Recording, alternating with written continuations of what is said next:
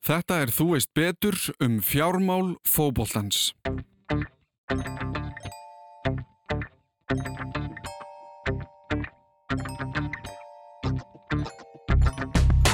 að við bara tökum eitt dæmi að síðasta heimsvæmstarmót hvenna kostaði inn, innan við 1% af heimsvæmstarmóti Karla. Þið borgi fyrir þetta allt saman, við ætlum að taka alla tekjunar og við krefjumst þess að borga engan skatt. Við krefjumst skattfrelsis í viðkomandi landi. Þa, það, það finnst mér eitthvað það allra merklega sem ég heilt. og þess vegna er þetta farið að skipta svona miklu máli hjá eigandum og öðrum varði fókbólta að, að koma sér upp í þannan hóp elítu knastmynduleg. Það eru margir sem fylgjast með fókbólta nútildags en það er einn stærsta íþrótt í heimi ef ekki bara svo allra stærsta. Ennska knastbyrnan og Ísland virast vera nátengt fyrirbæri og liðin þar með fjölmarka fylgjendur hér á landi. En hvernig þróaðist fókbóltinn á þann stað sem hann er í dag og hvaðan koma til peningarnir sem hann finnst ótt verða bara meiri og meiri? Launam á leikmanna komin út fyrir þann ramma sem maður skilur og liðin sjálf nánast orðin stórfyrirtæki. Ég fekk til mín Björn Berg frá Íslandsbanka sem býr yfir gríðarlega yfirgripsmikill í þekkingu um þessi mál til að útskýra þau fyrir okkur en eins og áður byrjum við á kynningu frá manninum sjálfum. Já, ég heiti Björn Berg Gunnarsson, ég er deildarstöður í greiningar Íslandsbanka, mikill áhuga maður um, um fótbolta og peninga og sérstaklega að ræða hvort vekja á sama tíma.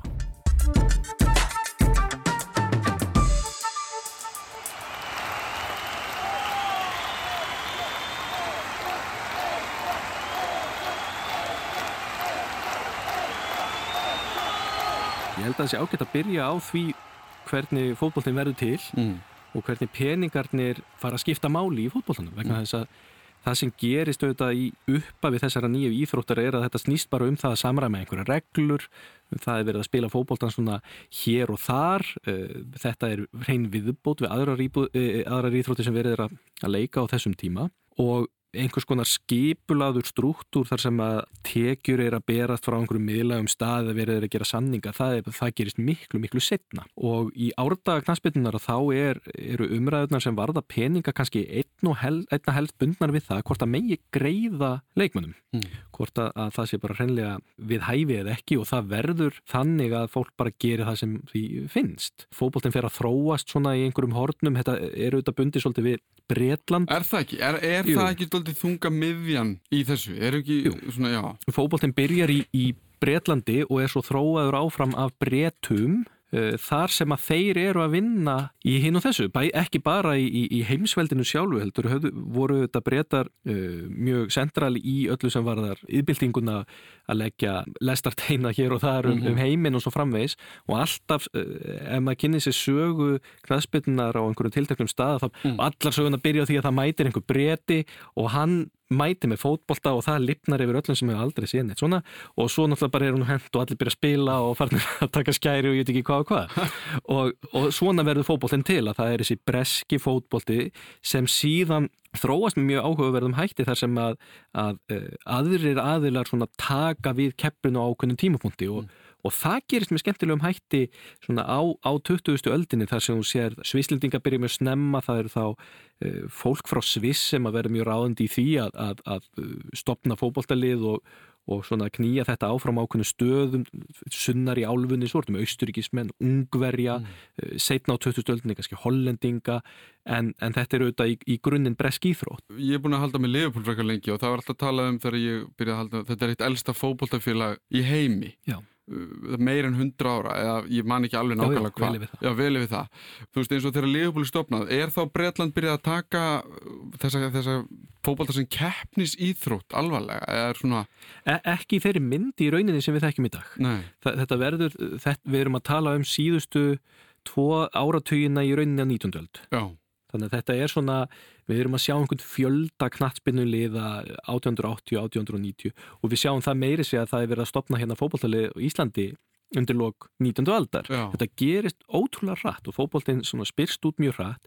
Um, au- auðvitað er hægt að fara aðeins lengra aftur í tíman um það að það er í þessum tiltekna skóla erum en byrjaðir að, að spila eitthvað sem er einhvers konar blanda af rúbbi og fótballta mm en, en það snýst allt um það að, að reyna að samra með einhverju reglur og það verður svona ákveðin bardagi á milli eða málamilun á milli London og, og, og svæðana fyrir norðan svona þar sem þú ert með þessar yðnarborgir mm -hmm. aðeins norðar í landinu og, og svo er deildakeppni stopnuð að lokum og það má í rauninni segja þegar við, við förum aðeins að hugsa um fókbóltan um fjármálinn segja, það er verið að reyna að koma þessu fyrir í einhver áratví þar sem að, að, að þetta er ekki bara keppnisferðalög, ekki bara verið að leika innan við komandi borgar eða að spila einstaka byggarleik heldur við verið að setja upp deildarkeppnir eh, en það sem er ákveðin veitir ákveðinu bensín inn í alla þróun í fókbóltanum er mætti segja það þegar tekst að koma uh, talsverðum fjölda áhorfenda á staðin og, og það má að miklu leiti tengja við það að réttindi launafólks eru eh, taka ákveðnum breytingu þarna til dæmis með því að, að fólk hafi ekki bara eh, kannski einhverja auðra í vasanum heldur líka bara hreinlega tíma til þess að sinna einhverjum áhugamálum. Mm að það sé hugsanlega bara fríum helgar og svo framvegs þá er hægt að bjóða upp á skipulaða skemmtun og þessi skipulaða skemmtun að hún er þá fótboltinn og ég hef skoðað mjög mikið, mikið, mikið áhuga til dæmis á, á leikvöngum og hvernig þeir eru byggðir. Það er áhugaverðust á mínum að því sagan norðalandamærina í Skotlandi hvernig verður byggja upp þessar risastóru velli fyrir, fyrir ríflega 100 árum og þeir byggjast upp á því að það er uh, affall frá kólaverum það er segja bara sót Mm. sem er svo ofbóðslegt í þessum yðnarborgum þar sem við verðum að byggja heilu skipin og knýja áfram breska heimsveldið Mm. að þessu er hlaðið upp svona í kringum fótboltavöll og sætin eru sett í það eða, eða stæðin að þessar stóru skálar sem oft eru kallaðar uh, að þetta er hlaðið upp af uh, afgangssóti úr, úr kólaverum úr verksmiðum og þarna er þá með tiltölu ódýrum hætti því það er engin penningu til þess að byrja neitt nei, að þá er hægt að, að koma upp vísi af þessum stóru leikvöngum sem setna verða. Og þegar þú uh, getur bóðið þessum fjölda fólks á völlin og þessi fjöldi fólks kemur og borgar aðgöngu yfir Mm. þá erum við komin með fótboltan sem svona skipulaðan ekki kannski business en, en allavega það, það er einhver alvöru peningar komnir. innkoman kannski sem er að koma inn. Já, skipulaða reglulega innkoman þess að fram að þessu þá þyrfti fólk að, að uh, vinna fyrir sér að hluta til bara eins og þau væri í sirkus. Þú ert frá Uruguay eða Argentínu eða þú ætlar að lifa á fótboltanum, þá þarftu bara að vera í keppnisferði í fjórum-fimm mánuði til Evrópu og spila við úrvalsli Rómarborgar eða já. Vínarborgar og bara eins og hljómsveit eða hvernig það er. Nákvæmlega, en, en fótboltaklúbarnir eru þe- þegar við hugsum um nöfni svo nefndir Liverpool og við hugsum um þessa stóru miklu klúba þá hættur okkur til að halda þegar við verið til í mjög skipulæður og svona tilbúin í mynd í allan þennan tíma Mm. en það gerist ekki fyrr en uh, kannski á þriðja áratögnum myndi ég segja, þar sem við förum að kannast við fótboltan, þar sem hann er farin að vera mjög skipulæður, formlegur og leikinn svona með eh, ekkert ósvipuðum hættu við erum að sjá í dag og en fótboltinn eins og nefndir að öllu leiti nánast eh, borin uppi af, af tekjum af, af áhörnundum enda er ekki verið að auðvitað ekki. Og ekki verið að selja varning eða, eða neitt slíkt. og, og við töluðum sko kannski aðeins um það hérna áður eh, að, að því að á tímabili áruna heimsir hræðileg hluti gerur, gerður slís og, og því um líkt uh, að það var, það mátti standa þegar þú varst að horfa á fótballtarleik sem gerða verkum að komast náttúrulega miklu fleiri að. Og þú nefndir einhverja tölu hérna áðan sem er mér fast algjörlega galin.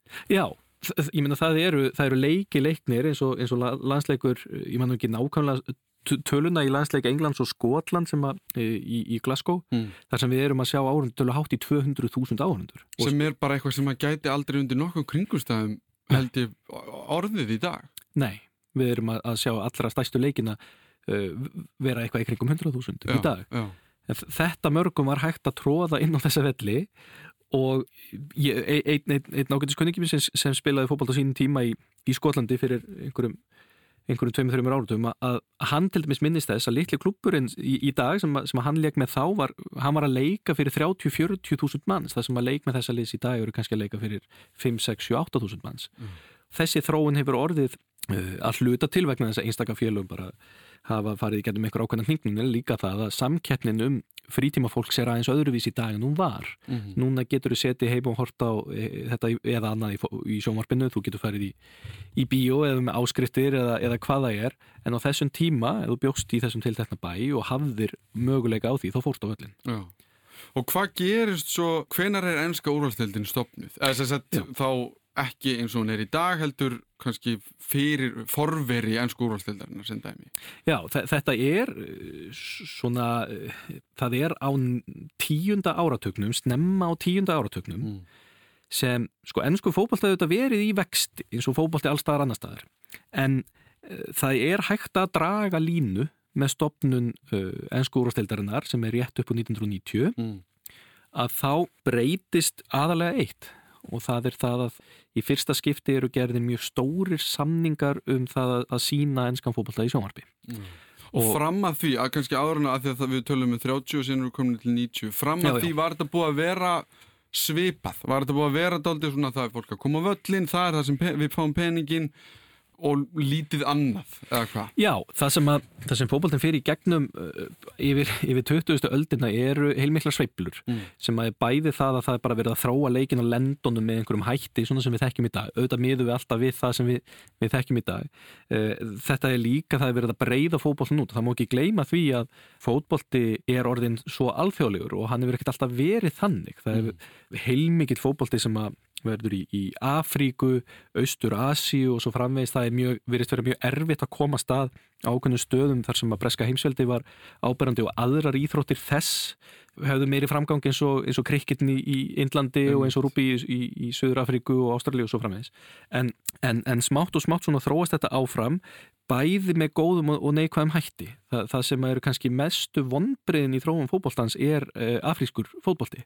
Að hann hefur nánast að öllu leiti eða má bara, ég held við getum leift okkur að segja öllu leiti, hann er engungu til útflutnings, að það er eh, fjöldin allur af frábærum fótboltamönnum sem, sem alast upp í Afríku og eru strax komni til Fraklands eða Belgíu og koma aldrei aftur heim. Og knatsbyrnu félögin þar fá aldrei neina tekjur og engin fótbolti að neinu viti en einnig alvöru hefur byggst upp þar miða við þá hæfileika sem eru þar í álfunni. Mm En, en já, það má í rauninni segja að, að, að, að eftir að búið er að lenda fótboltanum svona þokkalega þá er þetta svona nokkuð stöðug þróun. Við fáum já, heimsmeistaramótin og Evrópukeppnir eru er að gera leikin eh, alþjóðlegan -hmm. um miklu leiti og er í rauninni að, að eh, leggja grunna því sem síðar kemur eh, kannski með bæði ef að segja meistardeild, nei hérna ennskúrvalldeildinni Já.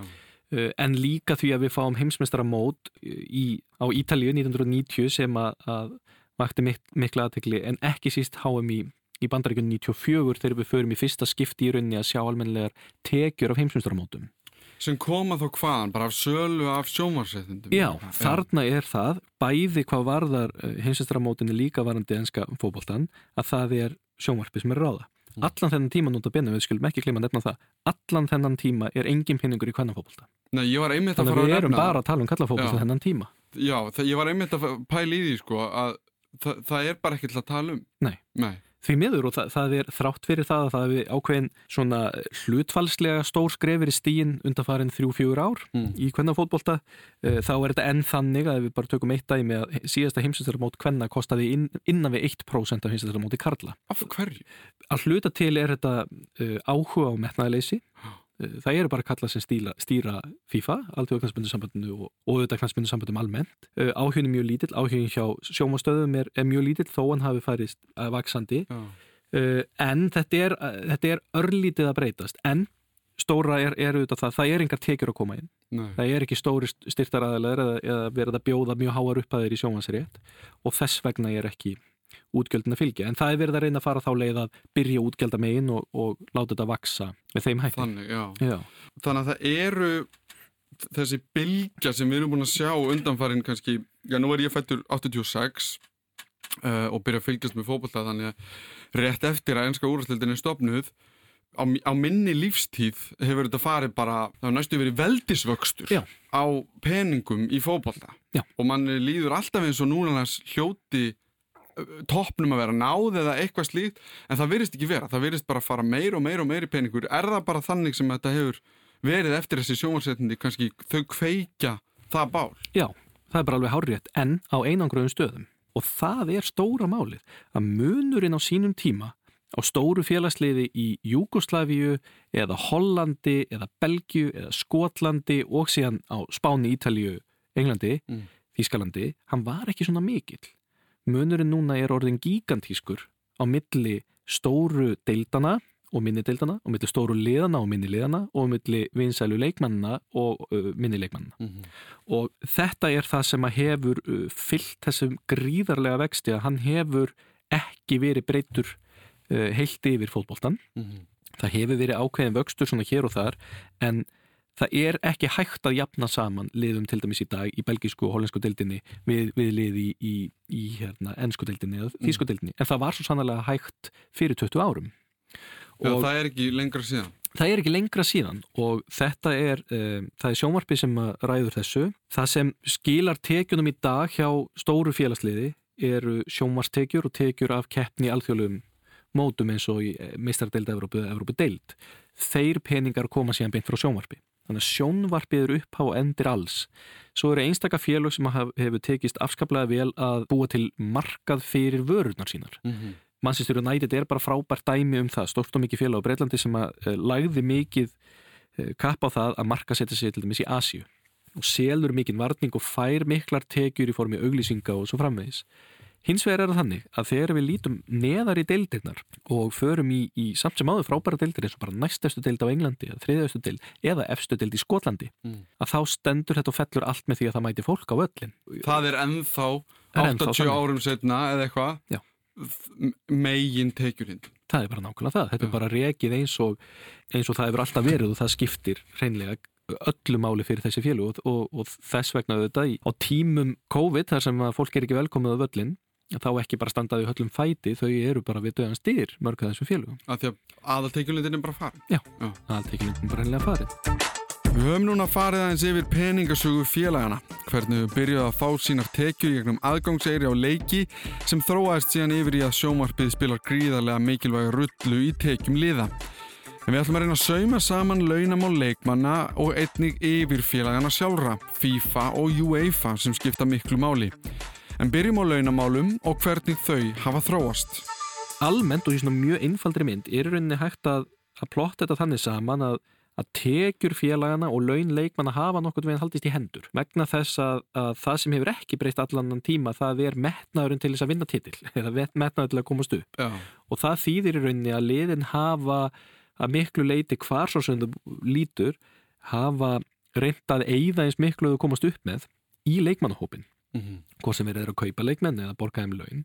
Af því það er bara það sem þarf til að fá þá bestu í opnum heimi. Mm -hmm og uh, það má segja að annað stort og mikið skref sem var stíðvarandi þetta í 1995 uh, auðvitað, ekkert lengur eftir að ennska orðstildinu stopnu það sem að hann Bossmann fræði, sjómar Bossmann sem að fór þarna úr, úr ekkert sérstaklega góð liði í Hollandi og ætlaði að fara til Dunkirk í Fraklandi að hann kærði það að, að uh, hans lið, þar sem samningurinn að runnið út, ætlaði ekki að leifa um að fara nema að það er borga fyrir hann og hann vann þenn, þetta dómsmál uh, sem endaði þá með því að, að, uh, að leikmenn sem að láta sinn samning bara renna út þeir geta farið frálsi sölu. Á sama tími, sama dómi var ákveðið að, svo lengi sem að þú ert uh, einhverjar þjóðar innan í ES-væðisins þá þú fara frálst á mitt landa. Það sé ekki, ekki leift lengur að vera með hámark á fjölda elendra leikmanna. Já, já, já. Og þetta gerir samningsstöðu leikmanna til dæmis nokkuð sterkari. Að, að leikmaður getur sagt ef þið semjið ekki við mig þá fer ég frjálsir sölu semdu við mig og þá verði ég annarkot áfram hér eða þú getur selgt mig og fengið eitthvað verðmæti já. já, þannig að, að samningur leikmanns er orðin, eh, er orðin verðmætur. En þetta er þannig og margar sögur sem að sér af, af leikmannum langt fram til sko á, á tíunda áratugin eru leikmann, ég vil fræða nöfn sem að þekkir sem að átt, þurft að búa heima á fólkdri sínum sko. Eða leia með öru leikmennum og... Það er einmitt máli sko að því ég fór að veltaði fyrir mig sko hvenar fókbóltamenn verða svona ríkir? Já, Nei, ég minna það var eh, John Barnes að því þú varst að tala um Leopold hann var nú einu sinni gerður að launahæsta leikmanni en skúrstildarinnar og það var allir bara fjárafóki þegar hann fekk 10.000 pund á viku Já. sem er, er, þykir ekki mikið í dag. En, en var auðvitað og er fyrir vennilega launamann auðvitað alveg ótrúlega á fjárhæð. Ég, við vorum ekki búin að leggja línar hérna fyrirfram með það hvort það mætti neymdroppa sko herfilega. Hva, já, það má gera hvað sem er. Já, það, það, það þarf eiginlega að fá að koma með eitt bara alveg svæsi neymdropp. Varandi þetta, uh, ég var svo heppin að eigða fyrir, hvað er það, 2-3 ár síðan eitthvað svoleiðis, alveg tveimur sólarhingum og tveimur dögum með manni sem var tvisarsnum valin bestileikmar í heiminum, uh, Kevin Keegan. Hann vann Evrópakeppni Evrópakeppnir með, með, með félagsleginn sínu var í Leopold, Hamburg, uh, Southampton og, og fleiri, hann, hann, hann var eins og segi tvisarsnum valin bestileikmar í heiminum uh, vann Ballon d'Or, hann gæt ekki uh, farað á eftirlaun þegar að, að ferðlunum lauk þrátt fyrir þetta langan og góðan feril mm -hmm. hugsaður uh, sagðist ekki að hafa farið illa með peninga bara svona að lifa eins og menn gerðu. Hann þurfti að flytja til Spánar þegar ferlinu lauk, þannig að 33 ára gammal þá flutta með familínum til Spánar til þess að geta lifað á peningunum. Vegna þess að Spán var það ódýr að hann gat verið þar og, og leikið sér í golfi og, og átt í og á en ekkert meir en það. Eftir allan þennan feril. Og það eru eflust einhverju hérna sem mun eftir að sé Kevin Keegan leik spila. Þetta Já. er ekkert það langt síðan. Nei, og það verður ekki fyrr en með tilkomu ennsku úrsteldirinnar og sem að síðan sem er byrtingarmynd þess að, að, að sjónvarpi hef ég innreið sína í fó, fótboltan. já. Við erum alltaf að tala um ennsku úrsteldirna sem eru auðvitað ekki upp á og endur alls í, í fótboltan Nei, nei, en það er bara svo skýrt hvað gerist þar og með, með HM 94 og 98 árið 2005 þegar uh, títnefnt Liverpool vann meistarheild Európu í, í Istanbul og, og, og vann þar AC Milan þá var mikill orður um, um það að fyrirlegin Steven Gerrard ætlaði að fara til Chelsea. Uh, hann hins vegar hætti við gerði nýjan samning við Liverpool og fekk 100.000 pund á viku varð launahæsti leikmaður allra í hans skórastelni þetta eru launin sem Gilvi Sigursson fær í dag fyrir það að sitja varmanna bekknum hjá Everton. Og þetta er ekki lengra þetta síðan. 15 ár síðan Þetta eru 15 ár. Gilvi er með 100.000, Lionel Messi sem er mögulega besti fótballtamaður sem við nokkur sinni séð, við skoraði að lagt upp 10% af öllum mörgum sem Barcelona hefur skorað í sögu þess félags. Að Það er sturlustæðarind það, það, það finnst mér eitthvað það allra merkilega sem ég heyrt. Enda Barcelona er ekki mjög ungt félag.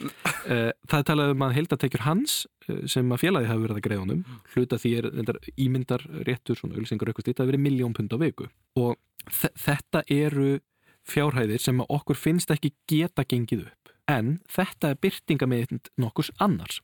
Það var þannig á sínum tíma ef þú hugsar aftur 20 ári í ennsku úrstildinni að hvort sem að þú hjælst uh, Lee Dixon eða Jan Molby eða hvað þú hjælst um, þú skapaðir tekjur með því að vinna inn á vellinum. Mhm. það var það sem þú gerðir. Síðan gerist það auðvitað, við fáum ákveðna stjörnur. Við fáum, uh, það eru knatsmyndum og hafa auðvitað alltaf verið einhver nöfn.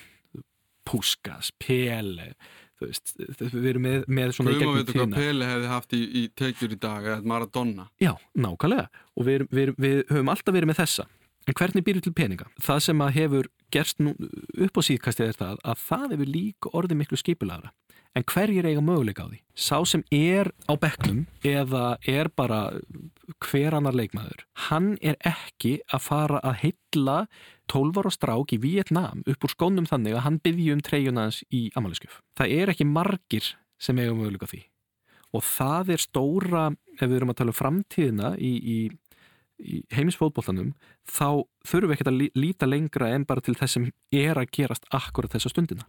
Og það er það að fótboltin er að fara í sömu átt og, og önnur afþreying að heimurinn er að verða minni, heilt yfir er, er, er fólk út um allan heim að horfa á sömu bíómyndnar, hlusta á sömu tónlistina og þar framöndu gunnum og horfa á sama fótboltan. Og það er ekki pláss fyrir marga sem eru uppáhalds Mhm. það eru Messi og Ronaldo og Pogba og Neymar og ekkert óbúslega margir aðrir Nei. sem að hafa möguleika á því að skapa tekjur, að selja treyjur og vera í auglýsingum allstaðar í heiminum. Svo þetta auðvitað með það James Rodríguez er í auglýsingum í Kolumbíu og Gilvi er í auglýsingum innan En heima. við erum að tala um að að tala um stærra. Já, já, Já. Þessir aðilar geta í dag vegna þess hvernig afþreyingar yðnaðurinn í helsinni við þróast og fótboltins sumulegis geta búið til svo miklu, miklu, miklu meiri peninga en hini leikmennir í liðinu að tekjunar eru að það er að slitna á milli þarna líka Já. innan leikmannahópsins, ekki bara á milli félags og það sama gildir auðvitað um félagin sjálf hvaða treyja er það sem þessi 12 ára strákur í Vietnam vil Mhm. hann vill ekki fá treyju uh, Brighton eða Birmingham eða Lincoln City eitthvað slít hann vill bara Manchester United, Real Madrid, Barcelona það er ekki mörg félug sem komið til greina Mhm. og þetta er þróun sem að mun halda áfram nema eitthvað sem gert til að stoppa hana og er, þá þarf einhver að taka afstöð til þess hvort þetta sé gott eða slæmt Og, Og þá kannski þurfa að FIFA og UEFA Nákvæmlega og það eru þessi yfir uh, samtök, uh, þau sem skipta öllu máli, það eru þetta síðan uh, samtök annar staðir í öðrum, öðrum heimsálum en Júfa er, er þetta, í, þetta þessi heildar samtök knaspunust sambanda í Evrópu Mhm. og FIFA eru reglifa samtök allra knaspunust sambandana. Þessi tvö sambönd þau halda á verðmætustu vörumerkjunum í fótbolta heiminum. FIFA heldur á heimsmeistaramóti Karla og Júfa heldur á meistardeild Evrópu og Evrópumóti Karla. Þetta eru keppnir sem að, að búa til alveg hreint ótrúlega peninga. Þetta eru teikjulindi þeirra. Þetta, eru- þetta eru tekjulinnar. Já. Um, ein, einhver staðar var ég nú að reyna að plott, fara í reikningana hjá, hjá FIFA til að reyna að finna út sko, hversu hátt hlutfall er þetta 2018 þegar, þegar síðasta heimsastarmót uh, var haldið til dæmis eða á, á því, því fjögur á reikningsbili þeir þetta 95% tekna FIFA Já. sem er heimsastarmótið í Rúslandi. Allar tekjunir eru þaðan. Uh, svo eru þetta um, tekur við þegar að svona ofbóðslega tekjur koma inn og þetta eru samtök þá fáum við bara klassíska gamaldags pólitík sem er bara ekkert öðruvís en öll, öll önnur pólitík Mm. þar sem þú ert með fólk frá, frá um, heimsálfu samtökum sem reynir að berjast fyrir hag þeirra og svo ertu með fulltrúa knastbyndu sambanda hér og þaðanum uh, frá einstaka löndum. Nánast allir sem eru þarna eru bara að hugsa um eitt og það er sitt eigið knastbyndu samband eða hugsanlega eins og hefur komið upp úr krafsinu á undanfjöndum árum eða bara sína eigin vasa Já. að hluta til að því að, að óvíða hafa nú komið upp meiri fjármálaskandalar en akkurat hjá þessum stóru samböndum Mhm. þar sem að við erum með sko síðustu tvo formen Michel Platini og Sepp Blatter sem eru bara meðhöndlaðir í dómskerfum Sviss og bandreikina eins og, og glæpamenn Já. bara stela peningum sem eiga að fara í það að, að, að hérna, byggja upp fótbolta hérna í, Afríku og Suður-Ameríku og hér og þar? Eru þessi félög þá sem að, já, hvenær voru þau stopnið? Uh, Samböndin, Já, það er mjög langt það síðan er mjög langt það, síðan. það, er, það eru rílega hundra ár síðan. Já, ok. En- um Eru þessi félög í stakk búin þá til þess að taka á móti þróuninni sem virðist vera í gangi í dag? Ég held að það sé bara mergur í málsins það er stóra spurningin. Uh, það var talað um það að við skipti á, á formanni FIFA síðast hafi verið ákveðin hreinsun en það var náttúrulega bara engin hreinsun er allt sömu fulltrúanir frá knastbundu samböndunum Já. sem höfðu verið að kjósa þessa menn í getnum tíðina Sem er þá bara eins og Guðni Bergs hjá Já, KSI eða eitthvað slíkt? Já, Já. akkurat það er bara Gunni Bergson sem, að, sem að reyndar bara gott að taka fram með held ég að engin grunum græsku en, en, en það eru fulltrúar þessara félaga við genum tala hérna í, í klukkutíma um fjölda þeirra formanna knatsbundu sambanda og þarframöndu göttunum sem að sko hafa verið dændir og eða bendlaði við eða eru undir rannsók varðandi meiri átta fjármálavísfelli sem að beint tengist fútboltanum Mhm. og, og það, þá er þetta allt frá því að það er verið að, að uh, gefa peninga frá FIFA yfir í eftirlaunasjóð formans Júfa uh, þar sem að verið er að kaupa atkvæði hér og þar varandi það að hýsa stórmót og, og slíkt alvarleiki málsins eikst þegar upphæðirnar hækka og það byrjar að gerast þarna upp úr uh,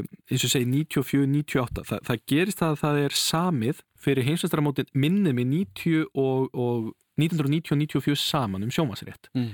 áhugum fyrir að aukast alveg gríðalega hratt en tekjun eru ennþá tiltula litlar. Síðan gerist það að það þegar HM er haldið 2002 í Suður Kóru og Japan þá verður sexföldun á þeirri upphæð sem uh, alltfjóða knastbundu sambandi FIFA fær í, í tekjur af því að senda þetta út í sjómarpi og stóru hluta til er þetta að koma frá bandaríkunum þetta er líka að koma frá Evrópu þar sem almennt hefur þessi þróun átt sér stað. Mm. þú segir þetta er að verða milli 1990 og 2002 gríðarlegt stökk.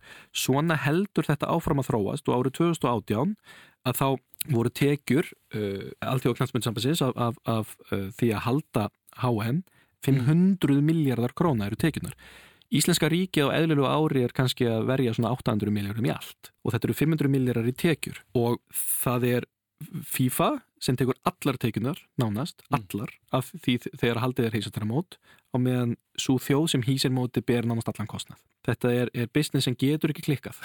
Nei, ég Þegar þú heldur á þessu vörumerki og þú segir rétt upp hönd sem vil halda þetta mót, þið borgi fyrir þetta allt saman, við ætlum að taka alla tekjunar og við krefjumst þess að borga engan skatt. Við krefjumst skattfrelsis í viðkomandi landi. Svona gengur þetta ár eftir ár, varasjónir hlaðast upp og fjármunni hlaðast upp hjá, hjá FIFA og sömulegis að hluta til hjá Jófa og öll þessi mál verða alvarlegri og alvarlegri vegna þess að spillingi sem á sér staða, hún varðar alltaf hær og hæri fjárhæður. Mhm. Uh, en þetta er ekki allstaðar svona Þa, það er það sem ég er að reyna að benda á að það er þessir einstaka leikmenn Lionel Messi með sín miljón pund á viku örfá félagslið þetta er kannski 40 liða listi eða 30 liða listi í heldina af, ég veit ekki hvað mörgum félagsliðum á heims Mm.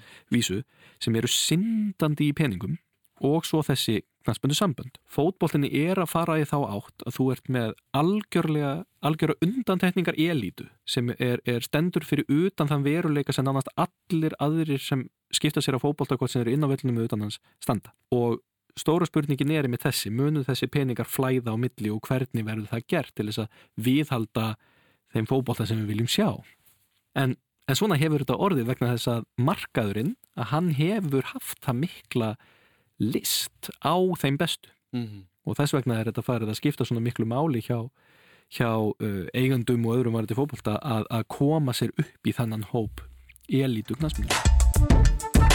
Já, kapplöpið er mikið og gríðarlega erfitt að koma sér upp í hóp þessara teikjuhæstu liða því munurinn verður sífælt meiri og meiri millir þeirra sem eiga og þeirra sem eiga ekki. Leikmennir eru orðnir vörumerki sem skapar svakaleg verðmæti sem spila svo inn í þetta vistkerfi sem fókbóltinn er. Nú ætlum við að vera að tala um framtíðina. Hvað er líklegt að við sjáum á næstu árum? Neymar, dýrasti leikmaður sögunar var keiftu til Paris Saint-Germain og þá hlýtum maður að velta fyrir sér. Getur þetta bara hækkað endalust? Geta upphæðnar endalust orðið herri?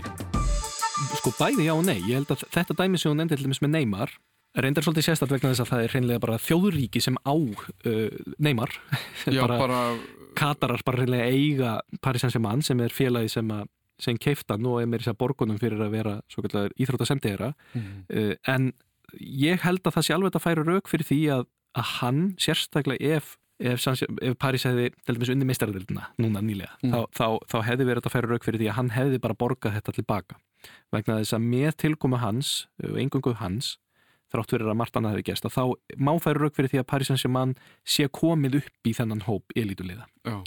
sem er, er gríðarlega það er mikils að vinna að vera þar og hann er uh, það eru fleira að fara að kaupa sér treyju með, með neymar á bakinöldur en Herrera eða Mhm. Verratti uh, hins vegar, það sem hún nefnir sem mjög áhugavert er launathækið í NBA og launathækir hér og þar, launathækir í hokkinu þannig líka, það er í ákveðnum uh, deildum í, í Ástralíu, það, það þekkist alveg að sé sett launathæk hins vegar er launathæk inngrip í frjálsamarkað sem að, að segir að þó þú viljir borga einhverjum að þá ætlir ekki að gera það, það megjur ekki gera það Já. og peningurinn fer þá eitthvað annað. Hins vegar í NBA að þá erum við með uh, mjög sérstakt fyrirbæri vegna þess að við erum með deilda sem enginn getur fallið og enginn fer upp og allir byrja á 0 punkti ári eftir Mhm.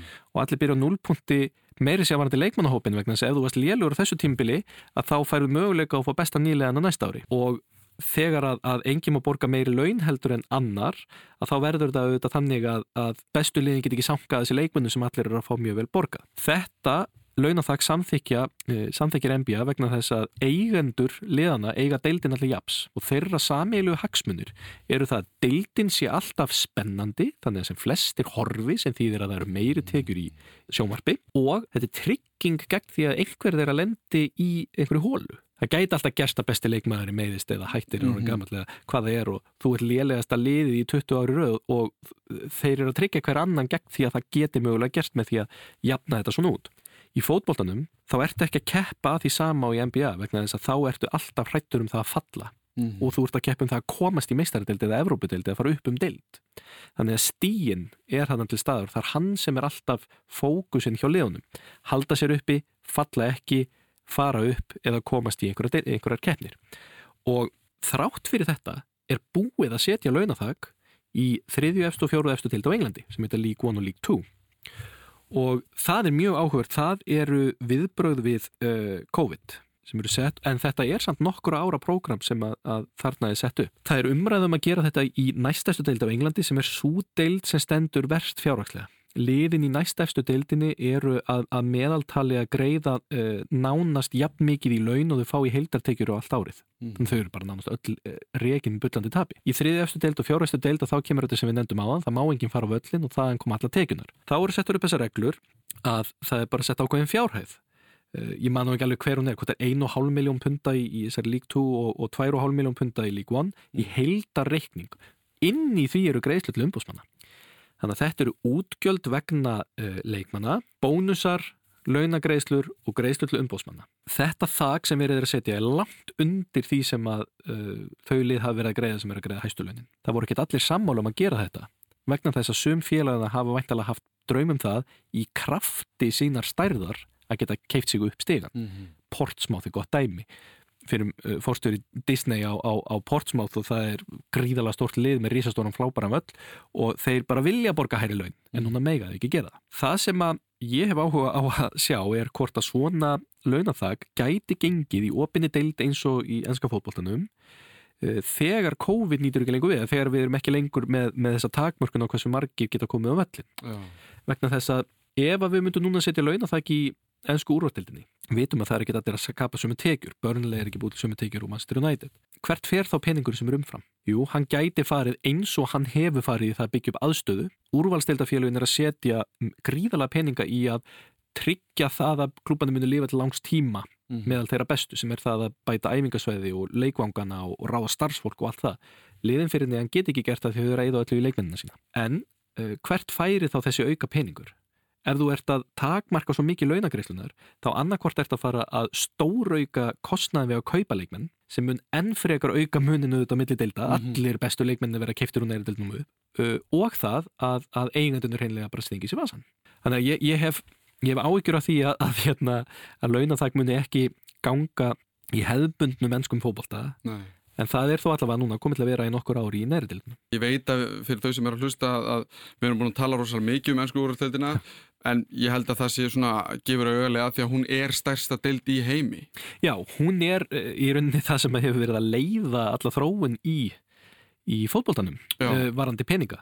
Uh, hún er líka aðeins, hvað er að segja, hún er, hún er svona nokkuð eðlilegri heldur allir með spænska deildin þar sem þú ert að langmestu leiti bara að tala um tvö félagslið, Mm -hmm. svo ertu með Atletico Madrid sem er alveg ótrúlega vel hérna fótboltalið en, en er samt aðeins fyrir utan Já, Real og, og, og, hérna, og Barcelona en, en það má svo sem alveg tala líka um það að, að það eru ákveðnar, á, ákveðin svæði sem hafa dreigist gríðala aftur úr eins og til dæmis Ítalía Já. það sem að kannski fyrir utan Inter nei hérna Juventus segi að þá hefur bara verið reynilega hnignun í, í fótbollanum og þeir eru ekki að ná að fylla leikvanguna sína og, og slíkt en síðan ertu auðvitað með, með Þískaland sem er byggt á aðeins öðruvísi mótili það er ekki sér óbúslega stóru sjómansamningar en það eru stærri styrtarsamningar og þar er líka einn reygin munur á Þýskalandi og Englandi sem er þá að sá að í Þýskalandi eru liðin ekki í eigu einhverja einstaklinga. Þar eru þetta nær því að vera svona almenn félu, bara svona nánast eins og við erum með hér á Íslandi. Já, og uh, eða þar sem að þú veist hver er félag yfir eitt atkvæði og, og einmitt. uh, og þeir eru með þessar hvað reglu hvað má enginn eiga meiri 50% eða eitthvað slíkt.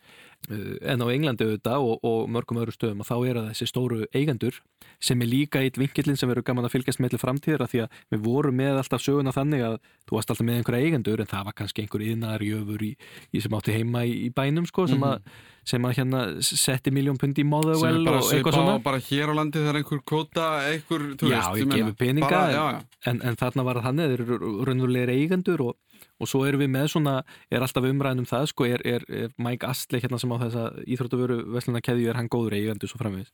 Núna er, er svo breyting að verða að við erum að sjá uh, heilu þjóðríkin, það er fyrst náttúrulega komið ólíkarkarnir, Mhm. uh, Romanov til Harts og Abramovits til, til hérna, Chelsea og þar fram til göttunum uh, Berlusconi, Milan og svona en síðan núna uh, erum við að sjá það að það eru uh, sko lönd sem að eru byrjað með, með Tælandi, það var reyndar óbeint að það voru nú peningar hans sem persónlegir sem að voru notaði þar en, en við erum til dæmis með, með Katar og saman með arabísku fyrstadæmin Mhm. sem eru bara hreinlega að kaupa sér félagslið Og þá er Og það Katar, að Katar með PSG já og saman með arabísku fyrstadæmin með, með hérna City. uh, Manchester City. Já, og þetta er svona þetta er, þetta er auðvitað svolítið bakdýra megin það stendur ekki á hluthafa listanum bara hérna, að það sé kata sem á Nei. þetta en þetta er í rauninni þannig Mhm. og það var mikil umræði á dögunum um það þegar Sáti Arabar ætluðu sér að kaupa Newcastle hvort að það væri hvort það væri hægt að samþykja það reynlega að, að, að það er- þjóðuríki ætti lið og hvað þá þjóðuríki eins og Sáti Arabia Getur þetta stækkað, endalust? Ég, ég held að uh, það sé eitt sem við verðum að horfa sérstaklega á og það er uh, vöxtur hinnar alþjóðlegu millistjættar. Það er stóra málið. Þa, það er bara því miður þannig að fjölskyldan sem að er að mæta á St. James's Park í Newcastle um helgar og horfuleikin er ekki að skipta máli í dag varðandi uh, peningana hjá stæðstöluðunum í fótballtanum. Mm. Það sem skiptir máli er það að við erum með uh, 20 miljóna út um allan heim í löndum uh, eins og í, í Suðaustur Asíu Tælandi, Vietnam f- fleiri stöðum erum með í Nígeríu, Eþjópíu, stóru löndi miklum vexti, þar sem við höfum ekki haft millistjætt. Uh, hvað gerist þegar fólk fer, færist upp úr því upp úr örbyrði og upp úr því að hafa rétt svo möguleika á að kaupa sér mat og upp í það að geta verið svona það sem við kallum kannski dæluðu tali neytendur þá kaupir fólk sér í skáp og það að fær netenging og síma og svo framvegis og það fer, eins og við vorum að tala um í árdagafóboltans, fer að hafa peninga til þess að geta eitt einhver í áhugamáli sitt. Þetta er að fæða svona um allan heim uh, með gríðalögum hraða og sá fjöldi sem að býr á Íslandi og í Skandinavi og Englandi og er að kaupa sér áskrift að ennska bollandum, hann, hann sko, er, þetta, er, þetta er ekkert miða við þann fjölda sem er að komast upp í milli stéttina í Indonésiu mm. eða í þessum löndu sem ég er að nefna. Þetta fólk sem, sem loksins hefur möguleika á því að, að verja sínum peningum í eitthvað áhugamál, get, getur möguleika keift sér áskrift, keift sér treyju eða eitthvað slíkt, eða farað völlin þegar að liðin koma í keppnisferðir. Mm. Mjög margir hafa áhuga á fótbolta og þeim munu allir hafa áhuga á sömu nokkrum liðunum og sömu nokkrum leikmennum og þetta verður vaksta brotturinn í fótbolta uh, á næstunni. Við erum að sjá það að tekjur, til dæmis enn skórastildarannar af sölu sjómasréttar er að vaksa með ofbústum hraða utan Breitlands, miklu miklu hægar innan Breitlands. Mm. Þannig að nú er uh, bara mjög stutt í það að það verður talsvert meiri tekjur sem eru að koma frá einnum alþjóðlega markaði heldur en eru að koma innan Breitlands. Og það mun bara aukast og, og ef uh, við náum að lenda þessu COVID-máli sæmilega og förum aftur í sömu þróun og var hér þá mun það bara halda áfram. Þannig að til þess að svara spurningunni, þá myndi ég segja að þau sá fótbolti sem hefur alþjóðlega skýrskotun hefur möguleika á því að já, vaksa endalust. Eða vaksa svo lengi sem það bætist, bætast við neyðendun sem vilja kaupa áskriftaðum og, og kaupa treyjurnaður. Mm.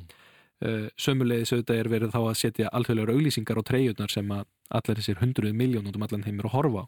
Þannig að uh, markastekjum myndi aukast alveg gríðarlega þetta hefur engin áhrif á Coventry eða á Augsburg í Þýskalandi eða Frósjóni á Ítalíu eða eitthvað slíkt. Þau verða bara eftir nema að það verði gripi til einhverja ennfrekar ráða til þess að, að dreifa þessum pinningum í jöfnum hætti.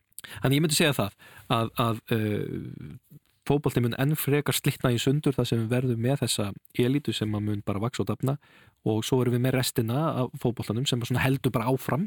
Sama gamla farinu og, og, og þar sem þetta er bara hardu business mm. og ég held að fólk minni eiga fullum e, e, svona allavega ærið verkefni sérstaklega núna í kjölfar COVID að, að halda sér bara réttum með við nullið og halda félagunum á lífi Það eru miklar áskoranir sem býða fókbóltans og þá hugsanlega miklu leiti FIFA og UEFA sem á knattbyrnum samböndum viðkomandi landa að ná utanum þannan flöym peninga sem streyma inn í íþrótina.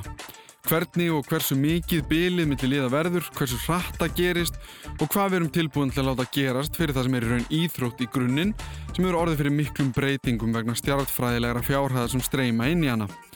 Það verður áhverð að fylgjast með þróun mála á næstu árum en ég þakka Byrni Berg kærlega fyrir komuna og útskýrta fyrir okkur. Ef það eru einhverja spurningar sem vakna varandi þáttinn eða aðra þætti er alltaf hægt að senda mig posta á allimara.ruf.is Ég þakka svo fyrir mig í þetta skiptið. Þetta var Þú veist betur um fjármál fókbóltans.